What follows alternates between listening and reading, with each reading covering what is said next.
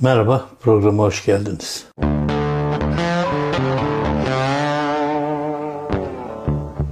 Bugün ilginç e, bir şeyden bahsedeyim. Bir rastlantı esasında. Mehmet Eymür, Mehmet Eymür çok konuşmaya başladı bu dönemde tekrar. Bunlar yaş aldıkça e, itiraflarda da bulunuyorlar. İşkence yaptığını ama işte yaptıklarının dörtte birini belki anlatıyor. Şunu yapmadım ama bunu yaptım işte falaka yaptım diye. Şey, Ali Türkçen'i hatırlarsanız canım işte e, Filistin askısı da domuz bağı da falan şey mi işkence mi sayılır gibi kendisini aklamıştı televizyonda. Bunlar da öyle yani falakayı işkenceden saymıyorlar. Bunlar basit geliyor bu, bu kişileri. Halbuki o falakadan dolayı 25 e, yaşında İsviçre'de erken emekli olan arkadaşım var benim. Tam istediği gibi yürüyemiyor, ayakta fazla duramıyor. Ee, o işkence demedikleri olay benim bir arkadaşımın 25 yaşında emekli olmasına neden oldu. Tabii emekliliği şans zannedenler var ama tabii 25 yaşında emekli olmak öyle bir şans falan değil. Mehmet Eymür neden konuşmaya başladı ya da e, Mehmet Eymür'ün tekrar konuşmaların arkaları, arkasından neler gelecek? Neden böyle söylüyorum? Çünkü birinci MIT raporunu anımsayanlarınız vardır. E, belli 12 Eylül yaşayanlar, anımsayanlar birinci MIT raporunu bilirler. 86'da ortaya çıktı. İlk MIT raporunu açıklayan da Doğu Perinçek'ti. Doğu Perinçek'in bu MIT raporunu nasıl ele geçirdiğini programın sonuna doğru anlatacağım. Ama o MIT raporu e, Mehmet Eymür tarafından kaleme alınmıştı. İlginç e, bir e, olay oldu. Tabi basına tesadüfen yansıdı. Bu tesadüfen yansımasının ardından e, MIT'le emniyetin e, nasıl esasında birbirine girdiğini öğrendik. E, bunun yanında bir takım pis e, ilişkiler ya da olmayan ilişkiler e, öğrenildi. Bir e, sanatçı e, işin içine karıştırıldı falan ayrı mesele ama e, MIT'in o dönemde Turgut Özal'ın yanında olduğunu, emniyetin Mehmet Ağarlarında Demirel'in yanında, Doğru Yol Partisi'nin yanında olduğu ortaya çıktı. E, bu kavga MIT raporuna e, yansımış e, ve evren sonrası, Kenan Evren sonrası Cumhurbaşkanlığının e, nasıl olacağı bir şekilde şekillenmişti. Nasıl şekillenmişti? Çünkü birinci eski 12 Eylül'ün birinci Ordu Komutanı Necdet Ürü Kenan Evren'in yerine geçmek ve Cumhurbaşkanı olmak gibi bir azim içerisindeydi. İşin ilginç tarafı Necdet Ürü'nün Kenan Evren'le de Turgut Özal'la da arası açıktı. Hatta bir Amerikan Dışişleri Bakanı olacak yanlış aklımda kalmadıysa Ankara'ya geldiğinde Necdet Ürü randevusu yok diye e, görüşme talebini reddedecek derecede ilginç bir insandı. Bu MIT raporuyla beraber tabii Necdet Ürü harcandı. Turgut Özal'ın e, yolu açıldı Cumhurbaşkanlığında. Ha, bu ANAP'ın sonu oldu. Turgut Özal'ın siyasetinin bitiş noktasına gelmesine neden oldu ama olan buydu. Aynı olay dikkat ederseniz e, Erdoğan'ın Cumhurbaşkanı olmasıyla beraber ve daha doğrusu başkanlık sistemine geçişiyle beraber e, tekrar gündeme geldi. Çünkü Erdoğan ikisini beraber yani hem Türkiye'yi idare edeceğim hem Cumhurbaşkanı olacağım hem karayollarına bakacağım hem e, öğrencilerin yurtlarına bakacağım yok tarlaya bakacağım falan deyince e, gençlerin deyimiyle kafayı sıyırdı. İkinci MİT raporu da tesadüfen ortaya çıktı. Bir kaza sonucu ortaya çıktı. Tek yeniden Mehmet Eymür tarafından kaleme alınmıştı. O da Susurluk kazasının ortaya çıkmasıyla ikinci MİT raporu ortaya çıktı. Bu sefer Tansu Çiller ve ekibinin gene Mehmet Ağar ekibinin e, bütün pislikleri ortaya döküldü. Neydi bu e, basında çıkan adı neydi bu işin? İşin komiği bu bunu Mehmetler kavgası olarak yansıttı. Mehmet Ağar, Mehmet Eymür kavgası olarak yansıttı. Ee, nereye kadar gider bilemiyorum ama şimdi Sedat Peker'in bütün açıklamalarından sonraki e, ya artık niye açıklama yapmıyor diye kızan gazeteci arkadaşlarımız var. Yani bu kadarı bile bir insanı meclisten atmaya, bütün görevlerinden el koymaya yeter de artar bile. O yüzden e, önce elimizdekileri değerlendirelim. Yani bir hukuk varsa, bir adalet varsa önce bunlardan dava açılsa bir de arkası e, gelir. Onun için e, Sedat Peker'in bundan sonra bir şey açıklamasına gerek var mı yok mu bilemiyorum. Yani uyuşturucudan silah kaçakçılığına kadar her şeyi A'dan Z'ye esasında isimler de vererek e, Sedat Peker açıkladı. Şimdi Mehmet Eymur tekrar konuşmaya başladı. Ne dönemde başladı? Erdoğan'ın tekrar Cumhurbaşkanı adayı olup olamayacağı tartışılırken Mehmet Eymur tekrar ön plana çıktı. Sedat Peker daha az konuşur noktada ya da e, başka türlü e, Erka Cererlen ya da başka isimler kullanarak bir takım kısa da olsa olaylar yazıyor ama e, şu anda ön planda Mehmet Emir var. Biliyorsunuz iki türlü darbe yapılabilir diye bahsetmiştim. Hulusi Akar, e, Süleyman Soylu darbelerinden hatta birbirlerine karşı olduklarını ve birbirlerine karşı bile darbe yapabilecekleri ana içindeki şey AKP içerisinde bir temizliğe girişebileceklerini de e, söylemiştim. E, onun hangi noktaya gider bilemiyorum ama Mehmet Emir'in konuştuğu ya da rapor hazırladığı bütün dönemlerde darbe ben geliyorum diyor. Şimdi e, Gelelim o birinci MIT raporu Doğu Perinçek'in eline nasıl geçti ve Doğu Perinçek aklımda yanlış kalmadıysa e, Türk Tabipler Birliği'nin Cağaloğlu'nda Türk Tabipler Birliği'nin e, toplantı salonunda bir toplantı yaptı. Gazeteciler, Gazeteciler Cemiyeti sanıyorum o gün e, başka bir toplantıya verilmişti. O yüzden Türk Tabipler Birliği'nde yaptı diye aklımda kalmış. E, şimdi olay şöyle gel- gelişiyor. Önce ben e, kendi gazeteciliğe başlayışımı anlatayım size.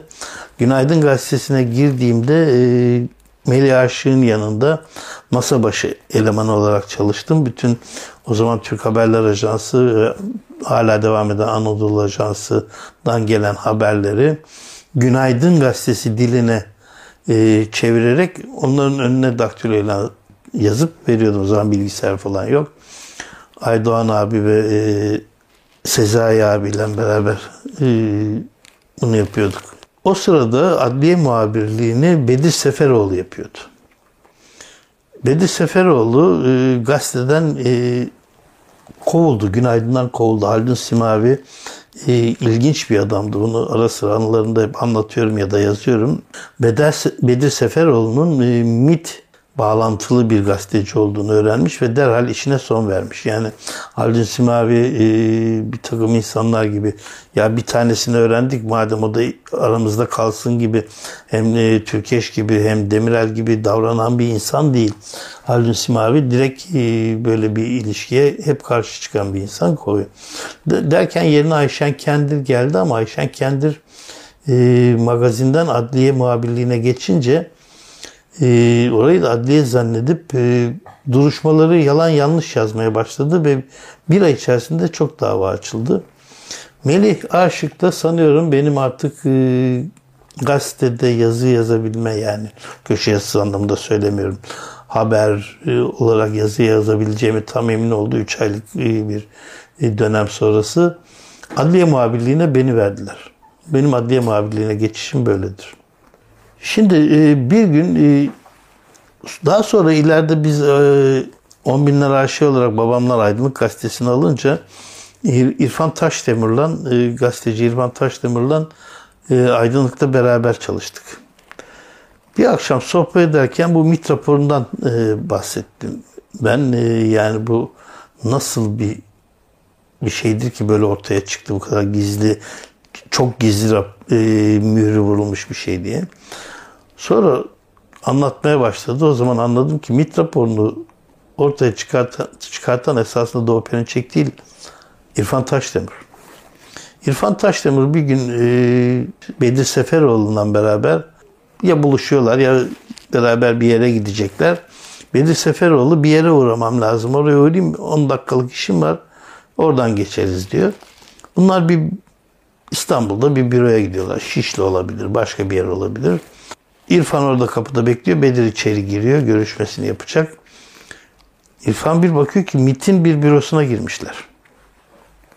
Orada bir dosya var. Çok gizli. Ve İrfan bu dosyaya beklerken göz atıyor. Hiç kimse yok orada. Göz atıyor. Tabii bu 86 o zaman öyle bir aradaki bir büroya gözetleme şeyi kamerası falan koymuşlar mı bilemiyorum. Ya da bir, bu ortaya çıksın isteniyor. İrfan beynine fotoğrafladığı bir takım olayları gel, geliyor ve o zaman 2000'e e, doğru e, dergisinde e, çalışıyor. Doğu Perinçek'i anlatıyor. Doğu Perinçek hemen bütün basına MIT raporunu açıklayacağız diye bir açıklama yapıp işte bir gün sonra ya da ertesi güne iki gün sonraya saat 11'de şurada açıklayacağız diye yeniden söylüyorum aklımda yanlış kalmadıysa İstanbul Tabipler Odası e, konferans salonunda. Oraya gidiyorlar. Yanında da İrfan Taşdemir var. Ellerinde bir dosya var. İrfan diyor ki dosyanın içi bomboş dosya kağıdı diyor. Yani bir gazeteci arkadaş bir göz atabilir miyim diye verse diyor rezil olacağım diyor. Doğu Perinçek benim ona aktardıklarımı aktarmaya başladı diyor. Tabii diyor basın hemen bunu aldı. İşte MIT raporu ele geçirildi diye açıklama yaptı. Doğu Perinçek açıkladı falan filan.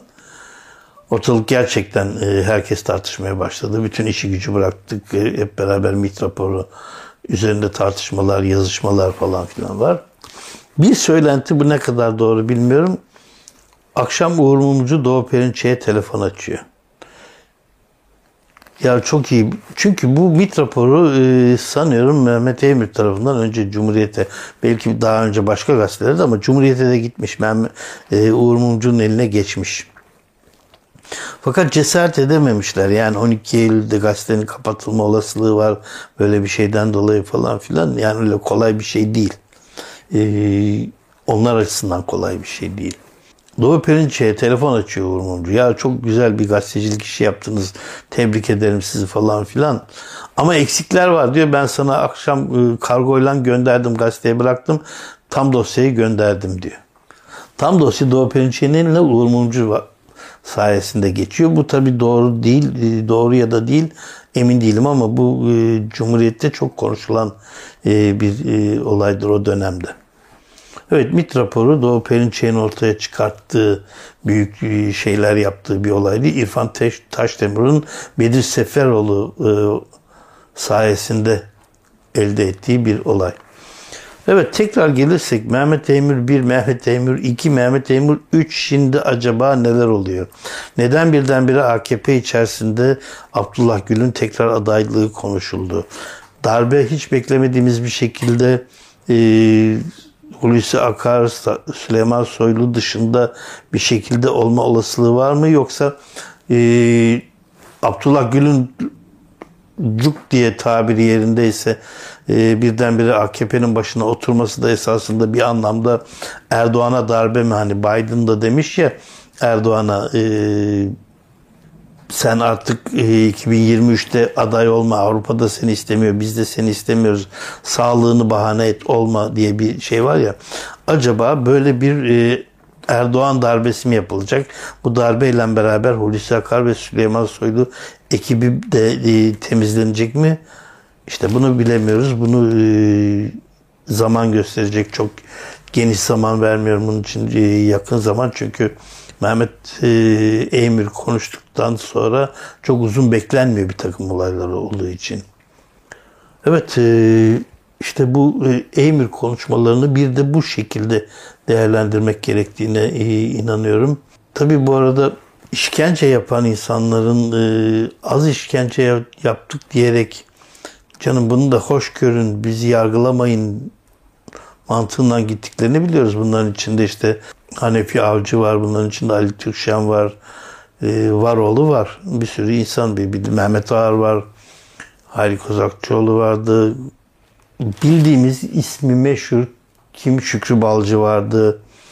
Bildiğimiz kim varsa bir kere e, ciddi bir şekilde işkence yapmışlar. Ve bunlar hala e, bir şekilde devlet içinde görevliler. Ya da uzaktan kumandalı görevli gibi hareket ediyorlar. Onun için aynı savaş suçu gibi işkence de e, öyle e, zaman aşımına uğrayacak bir suç değil. E, bir sürü şeyi görmek umuduyla başladı gençliğim işte devrim dahil olmak üzere falan. Bunları göremeyeceğimizi çok e, yaşlanmadan öğrendik. Bizim nesil bunu öğrendi, bunun farkında. Çocuklarımızın ancak biraz belki demokrasiye adım atan bir Türkiye'de yaşayabilecekleri bir e, dönemi görebilir miyiz? Onu da merak ediyorum ama bu işkencecilerinin belli bir kısmını yani belli bir kısmını dediğim böyle ismini bildiğimiz işte bakanlıklar yapmış, genel müdürlükler yapmış insanların yargılanmalarını umarım görürüm diyorum. Yani hiç olmazsa bir tanesini göreyim istiyorum. Evet bir programın daha sonuna geldik. Bir dahaki programda görüşmek üzere.